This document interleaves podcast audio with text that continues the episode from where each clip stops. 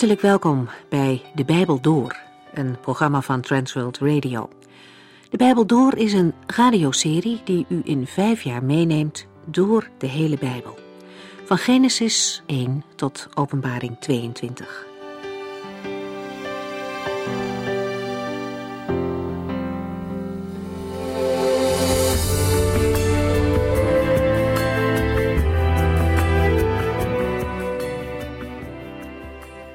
De vorige keer begonnen we in Openbaring hoofdstuk 3. We hebben nagedacht over de brief die Johannes aan de gemeente in Sardis moest schrijven. Het is een kritische brief met een dringende oproep voor de gemeenteleden. Sardis was een oude hoofdstad van het gebied waarin de zeven steden uit Openbaring 2 en 3 lagen. Een stad met een geschiedenis van roem en rijkdom, maar het was inmiddels vergane glorie. En dat geldt eigenlijk ook voor het geestelijke leven van de gemeente. In naam is men christelijk, maar in werkelijkheid stelt het geloof weinig voor. Het is de Heer Jezus zelf die dit constateert. Hij prikt door het uiterlijk heen en kijkt wat er werkelijk bij de mensen leeft voor hem. En dat is niet best. U bent dood, is de conclusie. Bij deze gemeente lezen we niet over gevaren van vervolging en dwaalleer. De boze maakt zich wellicht niet zo druk meer over deze gemeente omdat ze toch geen leven had. Geestelijke kracht en echt leven waren verleden tijd, vergaande glorie. En toch heeft de Heer Jezus de hoop op herstel nog niet opgegeven. Hij roept de gemeente op om wakker te worden. Ook hierin zien we een toespeling op de geschiedenis van de stad. Volgens de overlevering was het onneembare Sardis twee keer ingenomen omdat een wachtpost niet op te letten. Christus roept de gelovigen in Sardis op om geestelijk wakker te worden. Maar het is niet het enige. Hij herinnert hen ook aan de begintijd van hun geloof, aan de blijdschap die ze kenden toen ze nog maar net geloofden, nog maar net christen waren. En daar moeten ze naar terug. De naamchristenen uit Sardis worden opgeroepen om zich te bekeren en het geloof van het begin weer op te pakken. In deze gemeente zijn gelukkig ook een aantal echte gelovigen, mensen die de Heere trouw zijn gebleven. En de Heere vergeet hen niet. Hij ziet hen tussen al die anderen en hij bemoedigt hen. Ook geeft hij de opdracht aan de christenen om mensen die het geloof dreigen te verliezen, te helpen en te versterken. Een opdracht die door de eeuwen heen zijn geldigheid niet heeft verloren. We gaan nu verder met de brief voor de gemeente in Philadelphia.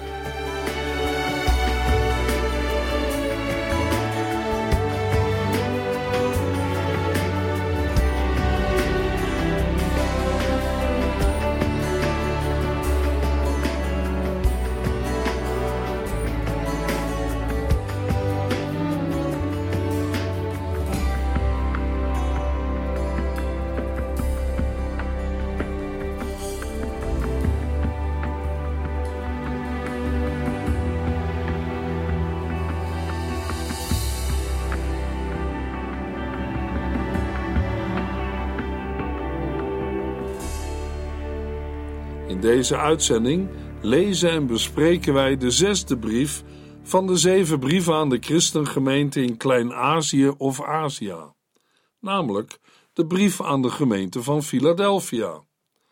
Philadelphia was de jongste van de zeven steden aan wie de Heer Jezus door middel van Johannes een brief schrijft. De stad werd vaak door aardbevingen getroffen. De beving in het jaar 17 na Christus was bijzonder krachtig geweest en had de stad grotendeels verwoest. De Romeinse keizers hadden wel hulp verleend bij de wederopbouw, maar er was nog weinig hersteld. Ten tijde van het schrijven van het Bijbelboek Openbaring woonden veel mensen nog altijd buiten de stad, uit angst voor een nieuwe aardbeving. Over het ontstaan van de kleine christengemeente is ons niets bekend. In vergelijking met de brieven aan de andere zes gemeenten is het opvallend dat deze gemeente alleen lof ontvangt. Openbaring 3, vers 7. Schrijf aan de boodschapper van de gemeente in Philadelphia: Dit zijn de woorden van hem die heilig en betrouwbaar is, die de sleutel van het nieuwe Jeruzalem heeft, die binnenlaat wie hij wil en buitensluit wie hij wil. In een andere Bijbelvertaling lezen we: En schrijf aan de engel der gemeente te Philadelphia. Dit zegt de heilige, de waarachtige, die de sleutel Davids heeft, die opent en niemand zal sluiten, en hij sluit en niemand opent. De woorden die de brief inleiden zijn een variatie op Openbaring 1 vers 18 in combinatie met Openbaring 2 vers 1. De aanduiding heilig en betrouwbaar of waarachtig verwijzen in Openbaringen 6 vers 10 samen naar de Heere God. Met het woord heilig worden zowel God de Vader als Jezus Christus aangeduid. Door het gebruik van het begrip de betrouwbare of de waarachtige typeert Christus zichzelf als even betrouwbaar als God de Vader. Voor de woorden die de sleutel van het nieuwe Jeruzalem heeft, lezen we in de Griekse tekst die de sleutel van David heeft. De woorden de sleutel van David vinden we al terug in Jesaja 22 vers 22, waar we lezen: Hij zal de sleutel van het huis van David dragen. Niemand zal kunnen openen of sluiten zonder zijn toestemming. Als we deze woorden verbinden met Openbaring 3 vers 7, dan kan alleen de verheerlijkte Christus als de zoon van David openen en sluiten of binnenlaten en buitensluiten. De profetie in Jesaja 22 vers 22 is een belofte van de Heer aan Eljakim gedaan. Zoals Eljakim de heerschappij zou krijgen over het huis van David, zo heeft de opgestane Heer Jezus Christus, de leeuw uit de stam Juda, de nakomeling van David, de heerschappij van het koninkrijk van God. Sleutels zijn een symbool van macht. De begrippen binnenlaten en buitensluiten, of openen en sluiten, vormen een toelichting op de betekenis van de sleutel. Alleen Jezus Christus beslist wie er toegang heeft tot zijn koninkrijk. We lezen Openbaring 3, vers 7 nu samen met vers 8. Schrijf aan de boodschapper van de gemeente in Philadelphia dit zijn de woorden van Hem die heilig en betrouwbaar is, die de sleutel van het nieuwe Jeruzalem heeft, die binnenlaat wie Hij wil en buitensluit wie Hij wil. Ik ken uw doen en laten. Ik weet dat u niet sterk bent, maar u hebt gedaan wat ik zei en bent mij niet ontrouw geworden. Daarom heb ik een deur voor u geopend die niemand sluiten kan. Twee woorden springen eruit in vers 7, namelijk heilig en betrouwbaar. Het heilig zijn is een eigenschap van personen en zaken die bij God horen en daarmee apart staan van de zondige wereld. In het Nieuwe Testament wordt op een meerderheid van plaatsen de Heilige Geest heilig genoemd, ter onderscheiding van geesten en demonen die niet bij God horen. Minder vaak wordt God de Vader of Jezus heilig genoemd, wat niet betekent dat ze ook minder heilig zijn. Verder worden allerlei personen en zaken die tot de sfeer van God behoren of zijn gaan behoren, heilig genoemd. Een volk, gemeenteleden, de stad Jeruzalem, het verbond met Abraham, de oud-testamentische Bijbelboeken en Gods gebod. In Openbaring 3, vers 7 wordt van de Heer Jezus Christus gezegd dat Hij heilig is. Het tweede woord dat we tegenkwamen in vers 7 is betrouwbaar. In andere Bijbelvertalingen lezen we waarachtig. De vertaling waarachtig in de zin van betrouwbaar vinden we voornamelijk bij personen. God de Vader is een heilig en betrouwbaar heerser. Ook Christus is betrouwbaar een betrouwbare en waarachtige getuige, in de zin van oprecht. Ook ons hart moet betrouwbaar en oprecht zijn. Als we vers 8 in een andere Bijbelvertaling opslaan, dan lezen we het volgende: Ik weet uw werken. Zie, ik heb een geopende deur voor uw aangezicht gegeven, die niemand kan sluiten. Want gij hebt kleine kracht maar gij hebt mijn woord bewaard en mijn naam niet verlogend. De zin ik weet u werken of ik ken u doen en laten vormt zoals steeds de inleiding tot de beschrijving van de situatie van de gemeente. Maar eerst komt er een soort tussenzin, namelijk: Zie, ik heb een geopende deur voor uw aangezicht gegeven, die niemand kan sluiten. De eigenlijke beschrijving begint pas bij: U hebt kleine kracht. Of zoals we in het boek lezen: Ik weet dat u niet sterk bent. Als we de woorden van de tussenzin, daarom heb ik een deur voor u geopend die niemand sluiten kan, lezen vanuit vers 9, dan moeten we denken aan de mogelijkheid om het evangelie te verkondigen. Maar als we de woorden van de tussenzin laten aansluiten bij vers 7, dan gaat het om de toegang tot het koninkrijk van God. In Openbaring 3, vers 12 genoemd: De stad van mijn God. Die stad is het nieuwe Jeruzalem, dat mijn God uit de hemel zal laten neerdalen. De kleine kracht, of het niet sterk zijn, moet, omdat er geen kritiek is op het geestelijke leven, betrekking hebben op de kleine omvang van de christengemeente. De christengemeente is niet sterk, maar wel trouw aan Christus. De woorden: U hebt gedaan wat ik zei en bent mij niet ontrouw geworden, kunnen we ook aanduiden met: U hebt mijn woord bewaard en mijn naam niet verlogend. Daarbij zijn het ook parallellen. De in het Grieks gebruikte vorm van de woorden bewaren en verloochenen wijst op een moeilijke en zware periode in het verleden. Op grond van vers 9 is daarbij door Bijbeluitleggers wel gedacht aan verdrukking door Joodse medeburgers. Openbaring 3, vers 9. Ik zal mensen naar u toesturen die bij Satan horen. Zij doen zich voor als Joden, als kinderen van God, maar het zijn leugenaars. Ik zal hen aan uw voeten laten neerknielen. Zij zullen niet anders kunnen dan erkennen dat ik u lief heb. Na de beschrijving van de situatie van de christengemeente van Philadelphia doet de Heer Jezus in vers 9 een belofte aan de gemeente. De beginwoorden van vers 9: Ik zal mensen naar u toesturen die bij Satan horen, doen denken aan de woorden uit Openbaring 2, vers 9, waar we lazen: ik weet ook welke lelijke dingen er over u gezegd worden door mensen die zich Joden noemen, maar in feite dienaren van Satan zijn. Ook in Philadelphia wordt de gemeente geconfronteerd met tegenstand uit de Joodse gemeenschap ter plaatse. Christus zegt van hen: Zij doen zich voor als Joden, als kinderen van God, maar het zijn leugenaars. We lezen er ook over bij de apostel Paulus in Romeinen 2, vers 28 en 29. Dat u als Jood geboren bent en volgens Joods gebruik besneden, wil nog niet zeggen dat u een echte Jood bent. Nee, een echte Jood is iemand die zich in zijn hart met God verbonden heeft. Het gaat er niet om of u lichamelijk besneden bent, maar of uw hart en gedachten voor God geopend zijn. En in Romeinen 9, vers 6 tot en met 8 schrijft de apostel Paulus: God heeft zijn woord niet gebroken. Maar niet alle Israëlieten zijn echte Israëlieten.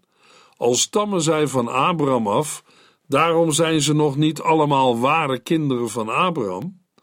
Want God heeft gezegd: Isaac is degene met wie ik mijn verbond heb gesloten. Dus zijn Abrahams natuurlijke kinderen niet vanzelf kinderen van God. Nee, dat zijn alleen zij die, net als Abraham, op de belofte van God vertrouwen. De apostel Paulus spreekt vaak over de Jood of een Jood in het enkelvoud.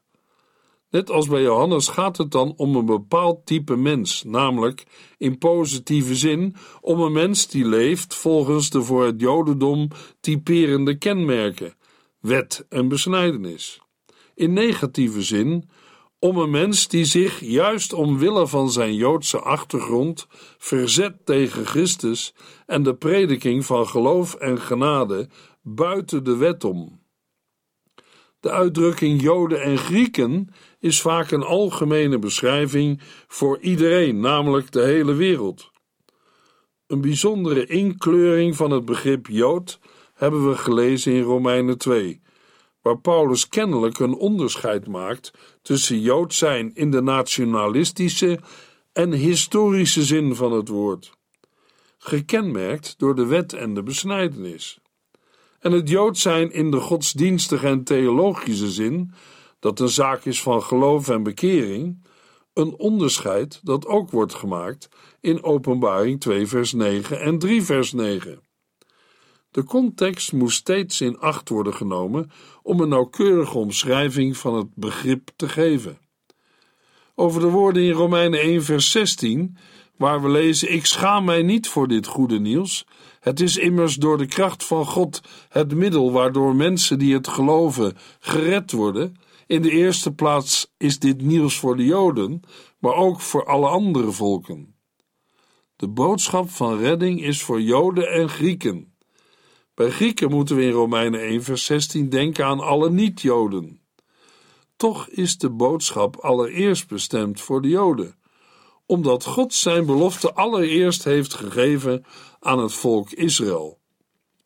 De belofte in Openbaring 3 vers 9 houdt in dat een deel van de Joden hun verzet tegen de Heer Jezus als Messias zal opgeven en zal erkennen dat Jezus Christus ook houdt van de niet-Joden die tot geloof zijn gekomen en nu bij de christengemeente horen. Daarom zijn de rollen omgekeerd. Niet langer komen de niet-Joden naar Israël, maar de Joden zullen nu de rol van de heidenen vervullen en de christelijke gemeente, die inmiddels voor het grootste deel uit niet-Joden bestond, erkennen als de gemeente van de Messias, Jezus Christus. De nauwe aansluiting bij de woorden van Jezaja maakt duidelijk dat het hier werkelijk gaat over de bekering van deze Joden en niet alleen over een tandenknarsende onderwerping. In een andere vertaling lezen we in Openbaring 3, vers 9: Zie, ik geef sommigen uit de synagoge des Satans van hen die zeggen dat ze Joden zijn en het niet zijn, maar liegen. Zie, ik zal maken dat zij zullen komen en zich neerwerpen voor uw voeten en erkennen dat ik u heb liefgehad. Het beperkende sommigen vinden we in het boek niet terug, maar staat wel in de Griekse tekst. Vanwege dit beperkende en vanwege de context van de gemeente in Philadelphia is er geen reden om bij de vervulling van deze belofte te denken aan meer Joden dan alleen die in Philadelphia. De combinatie komen en zich neerwerpen is een stijlfiguur waarbij een handeling door twee werkwoorden wordt uitgedrukt. Zich in het stof neerwerpen is een gebaar van nederigheid, berouw en erkenning. Openbaring 3, vers 10. U bent mij dwars door alles heen trouw gebleven, zoals ik u had opgedragen. En daarom zal ik ook trouw blijven aan u in de komende tijd van beproeving, waarin alle bewoners van de aarde zwaar op de proef worden gesteld. De tweede belofte die in vers 10 wordt beschreven, omvat een beloning voor de trouwe gelovigen in Philadelphia. De Heer Jezus zegt van hen dat ze zijn bevel om te volharden hebben bewaard. De Jezus geeft deze opdracht, dit bevel, in Marcus 13, vers 13, waar we lezen: Maar wie mij trouw blijft tot het allerlaatst, zal gered worden. In een andere Bijbelvertaling lezen we in Openbaring 3, vers 10: Omdat u het bevel bewaard hebt om mij te blijven verwachten, zal ook ik u bewaren voor de uren der verzoeking, die over de gehele wereld komen zal, om te verzoeken hen die op de aarde wonen. Het werkwoord bewaren beschrijft in vers 10 eerst de houding van de gelovigen en daarna de reactie van Christus. Hij zal de gelovigen bewaren, dat wil zeggen beschermen in de komende tijd van beproeving, waarin alle bewoners van de aarde zwaar op de proef worden gesteld. De woorden waarin alle bewoners van de aarde zwaar op de proef worden gesteld, geven aan dat met deze beproeving de komende eschatologische verdrukking wordt bedoeld. We lezen in Marcus 13, vers 19: Want er zal een verdrukking zijn, zoals er nog nooit geweest is, sinds God de wereld maakte, en zoals er ook nooit weer zal komen. Het is een verdrukking die we gerust kunnen aanduiden met de woorden grote verdrukking. Een periode die in het vervolg van het Bijbelboek Openbaring zo'n grote rol speelt. Voor de uitleg van Openbaring 3, vers 10 houdt dit in dat Jezus Christus de gemeente trouw blijft, zoals ook zij dwars door alles heen hem trouw zijn gebleven. Dat wil concreet zeggen dat zij afgeschermd wordt van het lijden. We moeten hierbij opmerken dat het een specifieke belofte is, die we niet zonder meer mogen betrekken op alle gelovigen van Klein-Azië, of zelfs op de gelovigen van alle tijden en plaatsen. Openbaring 3, vers 11. Ik kom spoedig. Houd vast wat u hebt. Laat u de erekroon door niemand afnemen.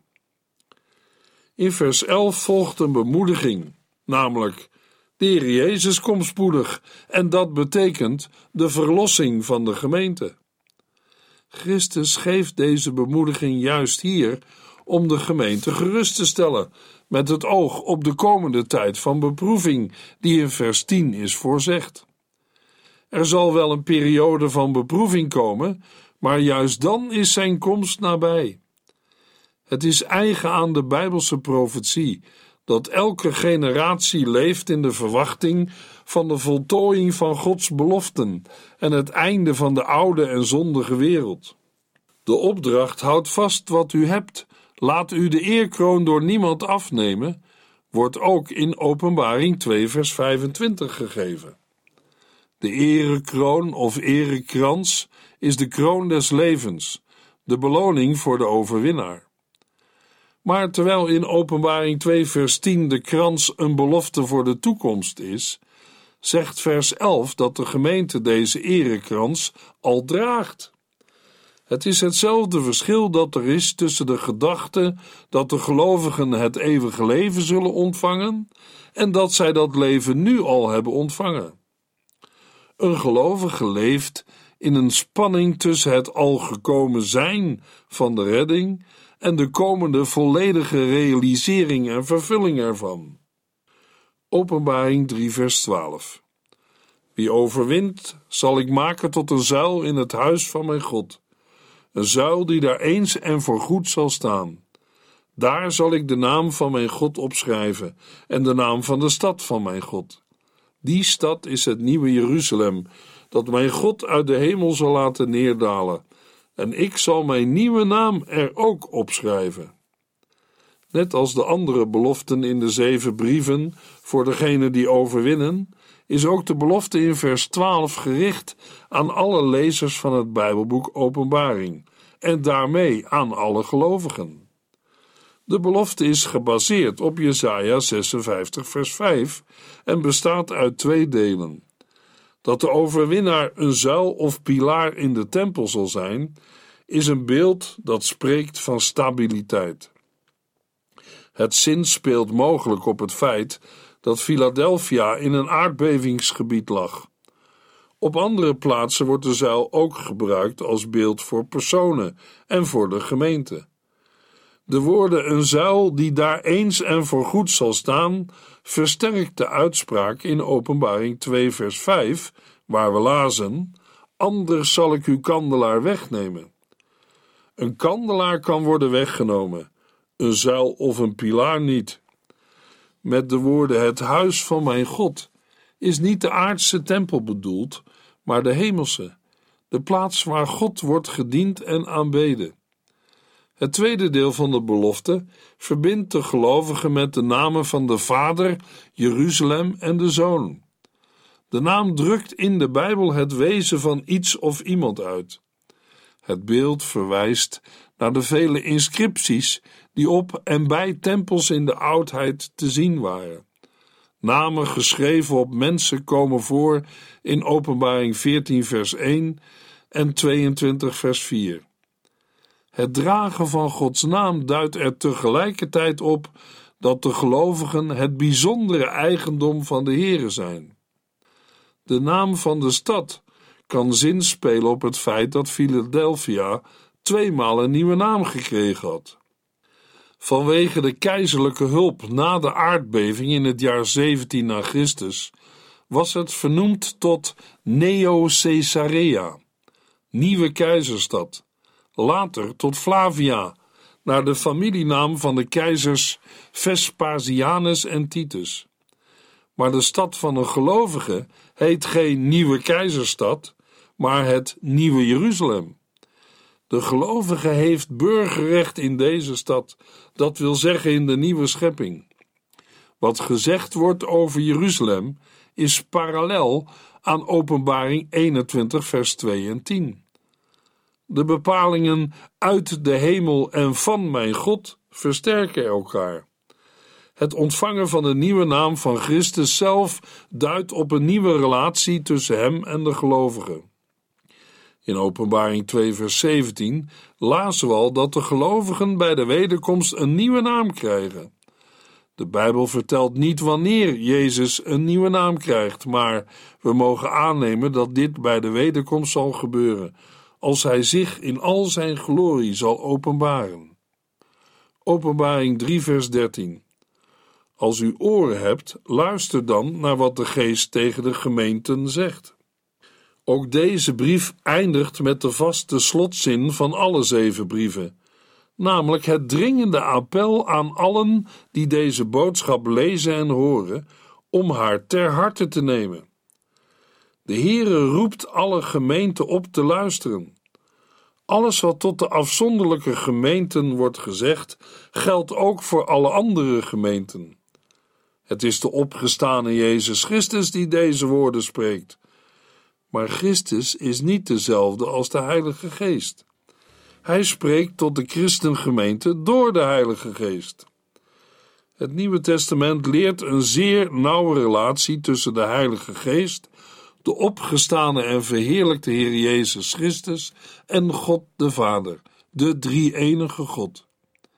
Jezus Christus bidt in Johannes 17, vers 21: Ik vraag u, Vader, of zij net zo één mogen zijn als u en ik.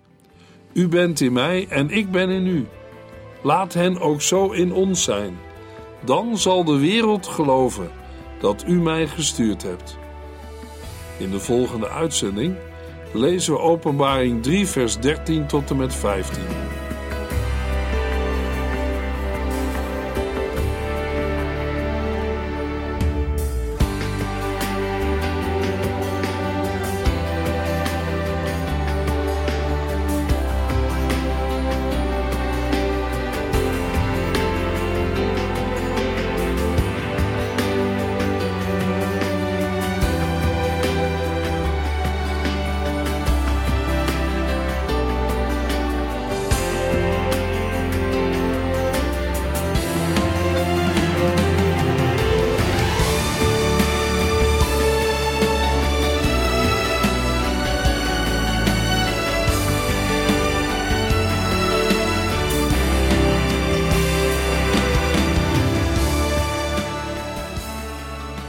Sinds kort kunt u een USB-stick bestellen met alle uitzendingen en de teksten van de Bijbel door. Ons adres volgt in de afkondiging. U heeft geluisterd naar De Bijbel Door. In het Nederlands vertaald en bewerkt door Transworld Radio. Een programma waarin we in vijf jaar tijd de hele Bijbel doorgaan. Als u wilt reageren op deze uitzending of u heeft vragen, dan kunt u contact met ons opnemen. Tijdens kantooruren kunt u bellen op 0342 47 8432. 0342 47 8432. Ook kunt u een e-mail sturen naar de Bijbel door at transworldradio.nl en natuurlijk kunt u ook via de post ons bereiken. TWR, postbus 371, postcode 3770, AJ in Barneveld. Dit programma werd gepresenteerd door Cor Weda en Ike André. Techniek was in handen van Odin van Woerdenkom. En namens ons allemaal bedanken we u van harte voor het luisteren.